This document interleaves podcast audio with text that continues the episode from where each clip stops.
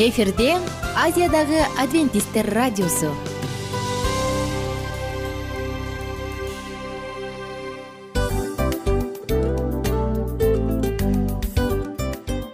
Достор салют. Баардык сүйүктүү угармандарыбызга салам айтабыз. Кутман күнүңүздөр менен. Ден соолук өмүрдүн булагы демекчи саламат саамы программасында баарыңыздарды көргөнүбүзгө абдан кубанычтабыз. Анда алгач амандашып өтөлү арбаңыздар деп. Ден соолугуңуздар кандай элибизде көбүнчө ден соолук кандай дегенде эле жакшы деп жооп беребиз э? ооруп турсак дагы жакшы дейбиз. Анан мен муну айтып ойлойт элем бул абдан сонун сөз депчи анткени бул жакшы деген үмүт да э ооба баары жакшы болот. Баары сонун. Деп үмүттөнүп атып эле өзүбүздү өзүбүз дарылап коебуз.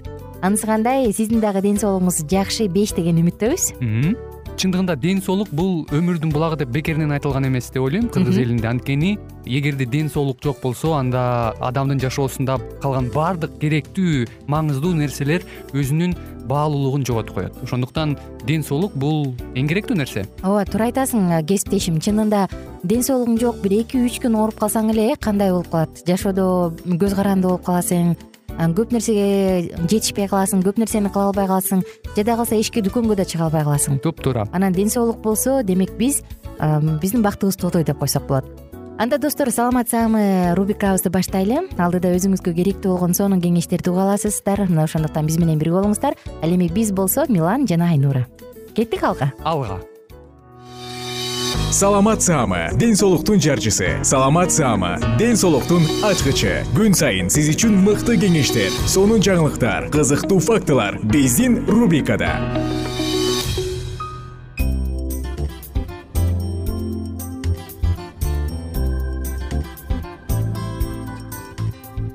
Кутман күнүңүз менен достор жалпыңыздар менен биз саламат саама рубрикасындабыз. Жана бүгүнкү тема ашказан органы деп аталат ашказан дегенде эле казанды элестетебиз болгону ал жака дайыма аш барып туруп турат э. Атына заты жарашкан ашказан органы. Ашказан негизи тамак аштын өзүнүн бир кладовкасы жана тамак сиңирүүчү тамакты эритүүчү ширенин өзүнчө бир фабрикасы. Карап отурсаң таң каласың. Ашказаны ооруган адамдар бар оорубаган адамдар бар. Ашказаным тим эле темирдей дегендер бар. Ашказанына эч качан нааразы болбогондор бар болгондор бар ашказаны ооруган адамдарды көбүнчө денесинин салмагынан алардын үтүрөйүп жүргөнүнөн байкап коебуз э мына ушундай. Эмесе достор бүгүн сиздер менен биз биз ашказан жөнүндө сөз кылаардын алдында эле эң маанилүү бир маалыматтарды айта кетеличи бул эмне болгон орган. Организмге келген тамак ашты сиңирүүгө жана заттардын алмашуусуна катышууга жөндөмдүү жөнөкөй заттарга ажыратуучу процесс тамак сиңирүү. Мунун баардыгы тең ашказанда жүрөт экен тамак сиңирүү ичеги карын жолдорунун ар кайсы бөлүктөрүндө ферменттердин жардамы менен жүрөт тамак сиңирүү тамак оозго киргенден башталат анда тиштердин жардамы менен майдаланат шилекейге аралашып андагы амилаза менен мальтоза ферменттеринин таасиринен углеводдор ажырай баштайт. Чайналып майдаланган тамак кызыл өңгөчкө кетет. Кызыл өңгөчтүн булчуңдарынын перистатилкасынын натыйжасында ал карынга кирет. Тамак ичкенден алты сегиз мүнөт өткөндөн кийин ооздун былжыр челинин рецепторлорунун дүүлүгүсүнөн рефлекс жолу менен карын зили чыгат. Карындын секрециясы бөтөн заттардын карынга киришинен дагы күчөйт. Керексиз бөтөн нерселер организмге киргенде ал ага кусуу менен жооп кайтарат. Тамак ичкенден кийин карындын кыймылы бир аз басаңдайт тамак массасы карынды үчтөн сегиз он саатка чейин болот экен бул мөөнөттүн ичинде ал карын зили менен толук аралашат ал масса акырындап он эки эле ичегиге өтөт анда уйку безинин жана ичеги зилинин ферменттеринин таасиринен белоктор аминокислоталарга чейин ажырайт. Мына ушундай. Эми биз ашказан жөнүндө сөз кылалы э достор? Ашказанда өзгөчө бир укмуштуу бир жөндөмдүүлүк бар. Эмне болгон жөндөмдүүлүк десеңиз ал биздин маанайыбызды чагылдыра алат. Элестетиңиз кадимки эле ашказан мисалы адам ачууланган кезде ашказан кызарат адам коркуп аткан кезде ашказан тескерисинче бозорот адам толкунданып атканда ашказан кыскарат ал эми стресс абалында андан көбүрөөк сок бөлүнүп чыга баштайт. Мунун баарын эмне менен түшүндүрсө болот? Баягы мээ менен ашказан вегетативдик нерв системасы менен байланыштуу болгондуктан мына дал ушундай нерсе бар. Биздин оюбузда толкунданып өзүбүздү жаман сезип атабызбы өзгөчө үйлөнүү тойлордо жаштар билет болуш керек э? Ой толтура эле отурду дасторкондо бирок эчтеке жегендей болгон жокмун. Ичиме эчтеке батпай койду дейт да. Баягы табитиме эч нерсеге тартпай койду дейт. Анткени катуу толкундануудан ашказан кыскаргандыктан ал жей албайт. Же аябай ачуусу келип атканда кыйкырып өкүрүп урушуп атканда ашказан ушунчалык кызарат экен дагы ал өзүн ай мен бармын мен ооруп атам деп сигнал берет экен. Жана стресс учурунда андан көбүрөөк шире бөлүнүп чыгат дебедикпи сок бөлүнүп чыгат деп стресс учурунда кээ бир адамдар толтура тамак ашты алдына коюп алып туруп жей берет жей берет жей берет тойгонун да билбей калат э? Демек бул стресс абалынан да сөз кабар берет. Биздин ашказан белоктордун баардыгын кайрадан переваривать этип же кайрадан иштете алгандыктан кээде мындай суроо болот э? Эмне себептен ашказан өзүн өзү иштетип жок кылып салбайт деп? Анткени ал деле кадимкидей эле болгону тери да. Ашказандын сырты жука баарыбызга белгилүү болгондой э? Эмне себептен ал өзүн өзү иштетип салбайт дегенде ашказандын катма капталдарында атайын былжырлар бар эмеспи? Дал ушул былжырлар ашказан өзүн өзү жок кылып салуусунан сактап турат. Эгер адам зарна болсо эгер адам ооруса адамда кандайдыр бир көйгөй жаралып турса анда ашказан сөзсүз түрдө иштегенин бузат экен. Эми достор факт жана цифралар жөнүндө сөз кылалы. Ашказан тууралуу. Эгерде сиздин ашказаныңыз канча болду экен деп жүрсөңүз эки литрге чейин ашказан чоюлуучу касиетке. Аны канчалык көп тамак салып чое берсең ошончолук чоюла берет. Ал эми туура негизги көлөмү эки литр бир бүтүн ондон сегиз литр. Андан ашказандын кычкыл ашказан ширеси өтө жогору болот экен. Бул эки жарым пи ашка чейин жетет. Эгерде сиз ашказандын ичиндеги былжыр катмар канча убакта жаңыланып турат десеңиз анын толук жаңыланышы үчүн үч күн жетиштүү. Жана ошондой эле бир күн ичинде ашказан канча шире иштетип чыгат десеңиз үч литр ширени иштетип чыгарат экен. Караңызчы достор биз маани бербеген кичинекей деп ойлогон ашказан мына дал ушундай нерселерди кылат. Андан ары сөз кылалы эми жөнөкөй заттар ичеги капталынан канга механикалык жол менен өтөт э баарыбызга белгилүү болгондой. Татаал заттар негизинен ичеги исиркектери исиркектеринин клеткаларындагы атайын ташуучу молекулалардын жардамы менен канга жеткирилет. Мына тамактын бөлүнүшүн айтып атабыз тамактын сиңбегени калдыктары ичке ичегинин перистатилкасынын натыйжасында жоон ичегиге жылат. Анда азык заттардын калдыктары акыры жолу акыркы жолу пайдаланылат. Суу минерал заттар сиңирилет. Калганынан заң түзүлүп сиңбей калган заттар организмден сыртка чыгат тамак сиңирүү татаал процесс. Ал зат алмашуунун баштапкы этабы тамак сиңирүүдө боор менен уйку бези активдүү катышат. Тамак сиңирүү невроздордо туура эмес туш келди тамактанууда алкоголдук ичимдиктерди ичкенде тамак сиңирүү органдарынын ооруларында бул гельминтоздор ичкелти вирустук гепатит жана башкаларда өзүн өзү дарылоодо бузулушу мүмкүн тамак сиңирүү органдарынын ооруларын дагы биз алдыда сөз кылабыз. Буюрса бул гастрит гастроэнтероколит жара оорусу колит вирустук гепатит боордун циррозу холецистит энтерит мына ушул оорулардын баардыгы тең тамак сиңирүүнү бузган чоң оорулар коркунучтуу оорулар. Достор ашказан ичеги оорулары оорубасын десеңиз эң башкысы туура тамактаныңыз убагында тамактаныңыз өтө ысык өтө муздак тамакты ичпегенге аракет кылыңыз. Анткени булардын баардыгы тең сиздин ден соолугуңузга чоң зыянын тийгизип коюшу мүмкүн. Ашказаныңыз оорубасын эки литрлик ашказаныңыз эч качан андай көйгөйдү билбеңиз. А мен болсо сиздерге кааларым дасторкондо дайыма жеп тое турган нан болсун тамак аш болсун мөмө жемиштер жашылчалар көп болсун ашказаныңыз оорубасын дейм дагы саатыбызды жыйынтыктайлы кайрадан амандашканча кийинки уктуруулардан сөзсүз көрүшөбүз жана алдыда кызыктуу маалыматтардын баардыгы сиздер үчүн болмокчу кененирээк маалыматтар үчүн үч w чекит саламат чекит клуб сайтына келип таанышыңыздар. Жана андан тышкары социалдык тармактарда youtube facebook жана instagram баракчаларына катталыңыз. Саламат саама ден соолуктун жарчысы. Саламат саама ден соолуктун ачкычы. Күн сайын сиз үчүн мыкты кеңештер сонун жаңылыктар кызыктуу фактылар. Биздин рубрикада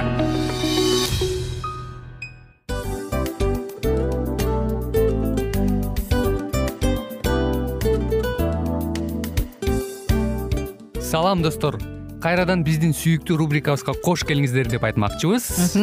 Баардык замандаштарыбызга арбаңыздар деп саламыбызды айтабыз. Улуу ушундай бир урматтаган учурашуу менен анан дил маек радио баракчабызга чакырабыз. Негизи дил маек биздин рубрикабызда эмне жөнүндө кеп кылабыз бул дил маектин мааниси эмнеде? Рубрикабыз менен кичине тааныштырып кетсеңиз сөзсүз түрдө тааныштыра кетейин. Кесиптешим суранычы боюнча бул учурда бул радио баракчада биз ар тарап кесип ээлеринен сонун кеңештерди алабыз сүйлөшөбүз сырдашабыз. Аталарыбыздын эжелерибиздин апаларыбыздын кеңештерин угабыз. Айтор жан дүйнөгө адамдын э, сапатына адамдын деги эле адам болуп жашашына керектүү баардык кеңештер алдыда. Негизи э, дил маек дегенде баягы эки адамдын ортосундагы сырдашуу кенен сүйлөшүү. Негизи эле биз адамдар бири бирибиз менен бир жерге жай жерге отуруп алып өзүнчө тынч жашоо жөнүндө өмүрүбүздө эмне болуп атканын бөлүшкөнү жакшы көрөбүз э адамдар. Ооба туура айтасың анан мындай учурга кээде убакыт да жетпей келет э? Же болбосо сырыңды кайгыңды муңуңду кубанычыңды айткың келет а адамга ишенбешиң мүмкүн. Ооба. А бул радио баракча угармандарыбыздын чыныгы досу. Анткени бизден алган кеңеш сиздин жашооңузга чоң жардам берет. Ал эми сиздин бизге айта турган сөзүңүз ортодо гана сыр бойдон калат. Ошондуктан биздин дил маек рубрикабызга дагы бир жолу кош келиңиздер жана биз даярдаган маалыматтарга даяр болуңуздар. Айнура жана милан сиздер менен бирге алдыга кеттик. Ар түрдүү ардактуу кесип ээлеринен алтын сөздөр жүрөк ачышкан сыр чачышкан сонун маек дил маек рубрикасында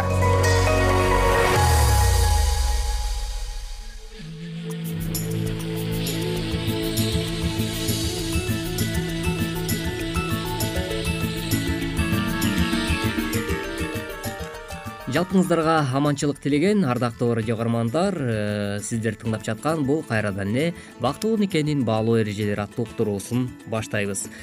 Андыктан чүрпөңүздү тарбиялоодо туура жолго салууда анын келечектеги жакшы инсан болушуна ата эне албетте татыктуу тарбия бергенге аракеттенгени маанилүү.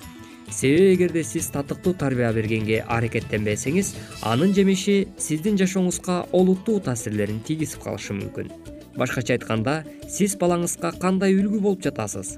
Бул туурасында ойлонгонуңуз маанилүү. Эмесе биз бүгүнкү уктуруубузда бала тарбиялоодогу болбойт деген нерселер туурасында сөз кылмакчыбыз. Деги эле бала тарбиялоодо болбойт деген сөздүн өзү туурабы? Келиңиздер бүгүнкү уктуруубузда адистердин ушул туурасында берген бир нече кеңештерине сиздердин назарыңыздарды аудармакчыбыз наристе ыйлак эрке же өтө эле маңыроо болуп калбашы үчүн. Ата эне эмнелерди эске алышы керек. Өспүрүм куракка чейинки балага туура тарбиянын үлгүлөрүн балдар психологунан бир нече кеңештер туурасында сөз кылабыз. Эң биринчиден эле тарбияны кечиктирбегиле. Тарбияны наристе төрөлгөндө эле бере башташ керек. Себеби ымыркай жарык дүйнөгө келгенде эле баарын түшүнүп аңдап калган болот апасы убактысынын көбүн баласы менен өткөргөндүктөн аны менен сүйлөшүп баарлашып турушу зарыл. Мисалы кийим кийгизип атканда да оң бут сол бут кайсы экенин айтып оң түстөгү фигураларды ажырата билгенди үйрөтүш керек.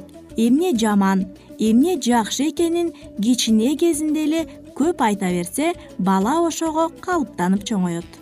Албетте андан сырткары кымбаттуу угарман көңүл кош мамиле жасабаганга аракет кылганыңыз абдан маанилүү. Демек бул нерсени дагы эске алганыңыз ашыктык кылбайт. Ата эне баласы менен көбүрөөк убакыт өткөргөнгө аракет кылыш керек. Ооба жумуш кызмат деген бар. Бирок балага кичине кезинде ата энеси көп көңүл бурбаса наристе өзү менен өзү чоңоюп ата энеден алыстап калышы ыктымал.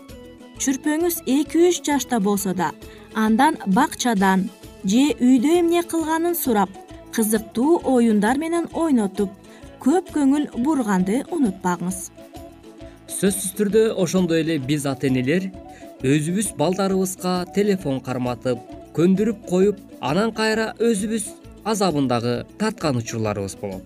Демек бүгүнкү күндөгү жаш муундарды тарбиялоодо сөзсүз түрдө урматтуу угарман бул нерсени дагы эске алганыңыз маанилүү айрымдар баласы ыйласа телефон берип атып кийин андан ажырата албай калышууда. Балага башында эле телефон зыян экенин айтып түшүндүрсө болот. Пайдалуу өнүктүргөн ден соолук үчүн зыян келтирбеген оюнчуктарды алып берүүдө акчаңызды аябаңыз. Сөзсүз түрдө бул нерселерди дагы эске алуу менен балаңызды туура нукка буруп тарбиялаганга аракеттенесиз деген үмүттөбүз мындан сырткары дагы баланы урса болобу же болбойбу деген дагы суроо жаралышы мүмкүн. Келиңиздер айрым адистердин берген бул туурасындагы кеңешине дагы кулагыңызды төшөңүз. Чүрпөнү уруп сабап туура тарбиялайын деп ойлобоңуз. Себеби токмок жеп чоңойгон бала тартынчаак өз оюн айта албаган коркок болуп калышы ыктымал. Ошондуктан кокус балаңыз туура эмес бир нерсе кылып алса алгач себебин сураңыз ар бир баланын мүнөзү ар кандай болот эмеспи. Биз да ата энелер баланын мүнөзүнө жашына карап жазалоо керек. Эң биринчиден эле өзүңүздүн ачуулуу сезимдериңизди токтотуп туруп анан жазалаңыз. Ачуулуу сезимиңиз менен жазалоо бул туура эмес. Анан да балаңыздын денесине катуу жаракат кылып алышыбыз ыктымал. Телевизор коюп бербей же балдар менен ойногонго жибербей коюп жазаласаңыз деле болот же бир жума идиш жууп үй жыйнайсың деп жазалаңыз. Албетте жогоруда айтылган үй бүлөлүк психологдордун бул кеңештерине дагы баам саласыз деген үмүт менен биргеликте дагы сапарыбызды улантсак алдыда балага жакшы тарбия берүү жаатында албетте баланын көзүнчө ата энелери урушпаганы абдан маанилүү. Ошондой эле мырзалар дагы балдардын көзүнчө жаман сөздөрдү айтып мисалы уятсыз сөздөрдү айтпаганга бул нерседе өзүңүздү өзүңүз тарбиялаганга аракет кылганыңыз маанилүү. Андан сырткары дагы атасы менен энеси башкаларды жамандаганы дагы балдардын психикасына туура эмес терс таасирин тийгизип коюшу мүмкүн. Бул нерсени дагы сөзсүз түрдө эске алып коюңуз демекчибиз уядан эмне көрсө учканда ошону алат дегендей. Чүрпөгө алгач ата эне өзү үлгү болуш керек. Балага тарбия эч качан кан менен берилбейт. Алар чоңдорду көрүп өсүп ошого жараша калыптанышат. Эгер сиз жаман жоорук жасап койсоңуз эртең эле аны бала туурап чыгат. Балаңыз тартиптүү маданияттуу болсун десеңиз алгач өзүңүз үлгү болуңуз. Жаман сөздөр менен атап ат койбогула сөкпөгүлө баланы эшек ит чочкого салыштырып урушуп ата эненин өтө чоң кемчилиги аябай катуу ачууңуз келип жатса да сабырдуу болуп кыйкырып өкүрбөй акырын айтып көндүрүңүз. Кийин кесепети жаман болот. Балага кыйкырып жаман сөздөр менен урушсаңыз балаңыздын жүрөгүндө кетпеген кара так калат аны менен бирге балаңыздын психикасында өз колуңуз менен бузуп коюшуңар ыктымал эсиңизде болсун. Балаңар дайыма эле бала бойдон калбайт. Ал дагы чоңоюп чоң киши болот да. Ал дагы сизге окшоп үй бүлө курат. Анан сиз кылган каталарды кайталабаш үчүн. Балаңарды туура сүйүү менен сабырдуулук жана акылмандуулук менен тарбияласаңар кийин өзүңөр үзүрүн көрөсүңөр деп ишендирип кеткибиз келет колдон келсе балаңызды коомчулукка көбүрөөк аралаштырыңыз. Чүрпөңүз бир жашка чыга элек болсо да аны менен паркта сейилдеп театр маданий жактарга көп алып барыңыз. Үйдөн чыкпаган бала өтө эле тартынчаак болуп өсүп кийин коомго аралаша албай калат. Мына ошондуктан урматтуу ата энелер жогорудагы биз айтып өткөндөй эле жашооңуздарда балаңызды тарбиялоодо сөзсүз түрдө туура нукка бурууга аракеттене бериңиз деген тилекти айтуу менен бүгүнкү программабызды жыйынтыктайбыз. Уктуруубузга кулак төшөгөнүңүздөр үчүн ыраазычылык билгизебиз. Эмки ободон кайрадан дал ушул толкундан үн алышканча сак саламатта болуңуз. Ар түрдүү ардактуу кесип ээлеринен алтын сөздөр жүрөк ачышкан сыр чачышкан сонун маек дил маек рубрикасында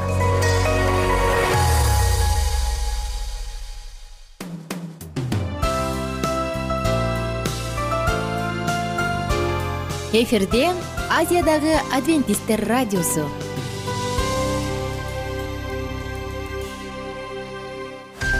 Жан дүйнөңдү байыткан жүрөгүңдү азыктанткан жашооңо маңыз тартуулаган жан азык рубрикасы.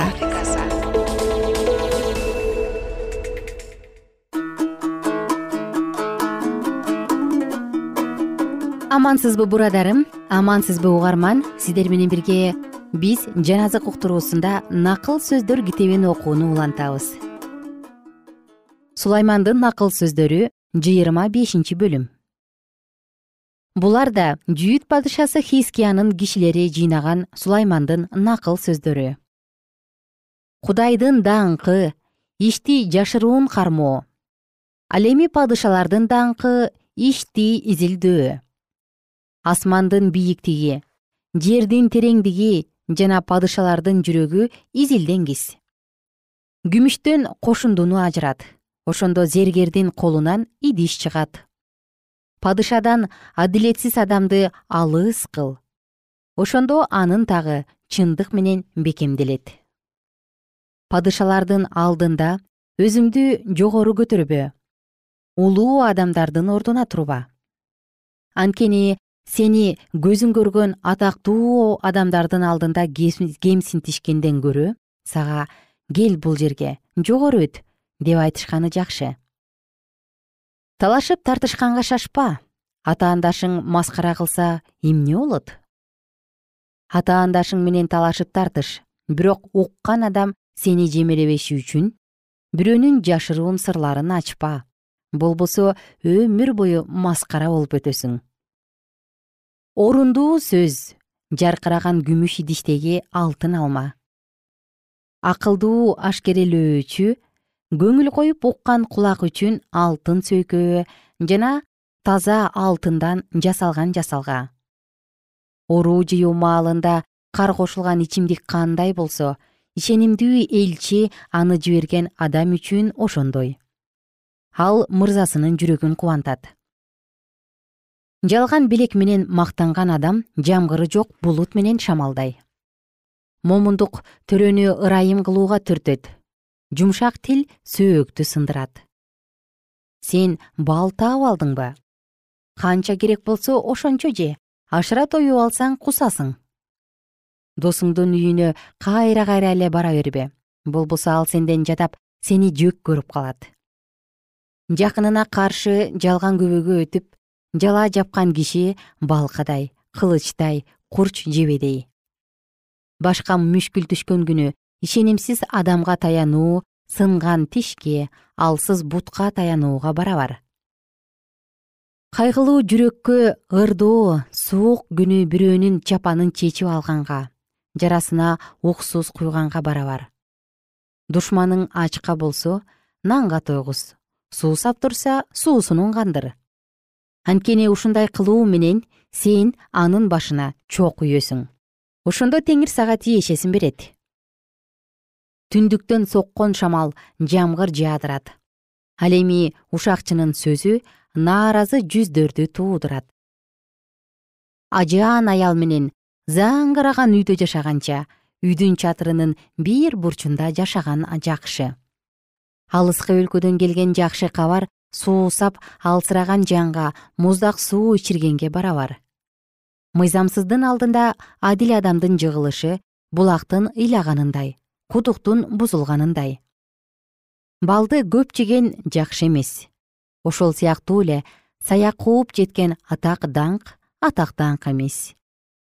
Өз рухун башкара албаган адам талкаланган чепсиз шаарга окшош сулаймандын накыл сөздөрү жыйырма алтынчы бөлүм. Акылсыз адамга көрсөтүлгөн урмат жайында жааган каардай оруу жыюу маалында жааган жамгырдай орунсуз. Жөн жерден айтылган каргыш таранчынын бырп этип чабалакейдин шуу этип учуп кеткениндей ал орундалбайт. Камчы ат үчүн жүгөн эшек үчүн ал эми таяк акылсыздар үчүн акылсыз адамга акылсыздыгына жараша жооп бербе. Болбосо өзүң да ага окшоп акылсыз болуп каласың. Акылсыз өзүн акылдуу эсептеп калбашы үчүн ага акылсыздыгына жараша жооп бер. Акылсызды чабарман кылуу өз бутун өзү кескенге барабар. Анткени адам балени башына үйөт.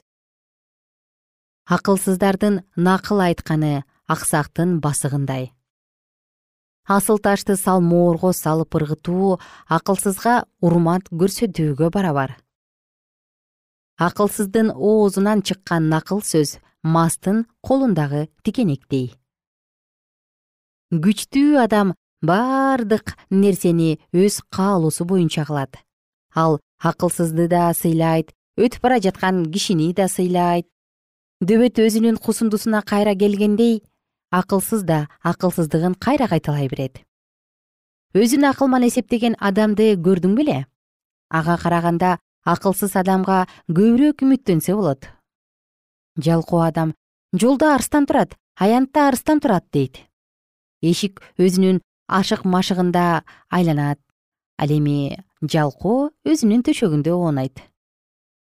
Эринчээк адам колун чөйчөккө сунат бирок аны оозуна жеткирүү ал үчүн кыйын иш.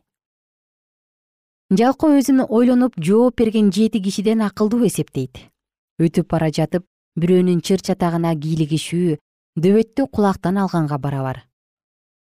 Акылынан ажырамыш болуп оттуу өлүм жебелерин ыргытуу досуна эки жүздүүлүк менен зыян келтирип туруп мен тамашалап эле койдум дегенге барабар отун жок жерде от өчөт ушакчы жок жерде чатак басылат.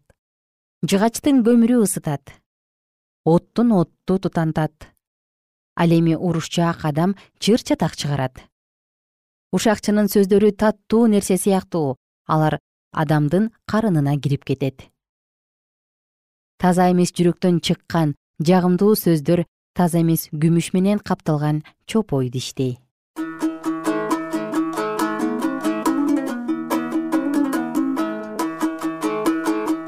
кымбаттуу достор сиздер менен бүгүн дагы сулаймандын накыл сөздөрүнөн асыл кептерди бирге окуп өттүк. Алдыдагы күнүңүз алдыдагы сааттарыңыз сонун маанайда улансын.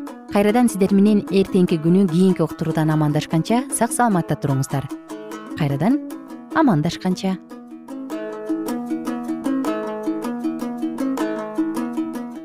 Эгер сиздерде суроолор болсо же көбүрөөк маалымат билем десеңиз анда биздин whatsapp номерибизге жазыңыз. Плюс бир үч жүз бир жети жүз алтымыш алтымыш жетимиш.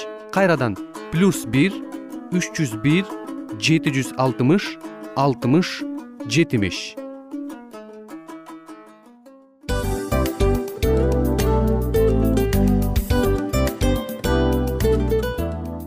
ушул менен достор программабыздын уктуруубуздун эң кайгылуу мөөнөтүнө келип жеттик.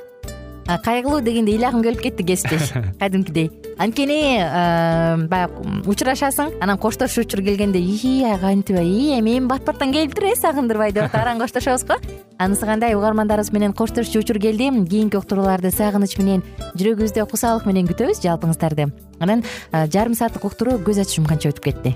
Сөзсүз бирок бизде жакшы кабар бар. Кийинки уктурууларыбызда сөзсүз дагы кезигишебиз. Анткени биз көптөгөн сюрприздерди кызыктуу маалыматтарды жана керектүү керектүү нерселердин көбүнчөсүн даярдадык анда угармандарыбыздын баардыгына ийгиликтүү күн каалайбыз эгерде бүгүнкү күнүңүз өзгөчө э, өтүшүн кааласаңыз анда позитивдүү ой жүгүртүп жылмайып жакындарыңызга жакшы маанай тартуулап жүрө бериңиз анткени сөзсүз түрдө мунун арты кайтат э? Сөзсүз. Баягы ден соолугуң оңолот ал бул деп көп нерсени санап келебиз. Эң негизгиси бул сиздин жашооңузду жаркын кыла түшөт экен. Жараткан кудай ар бирөөңүздөргө батасын берсин жашооңуз ийгиликтүү болсун сак саламатта калыңыздар деп мен милан жана кесиптешим айнура. Баардыгыңыздар менен кийинки уктурууда үн алышканча баарыңыздарга ийгилик каалайбыз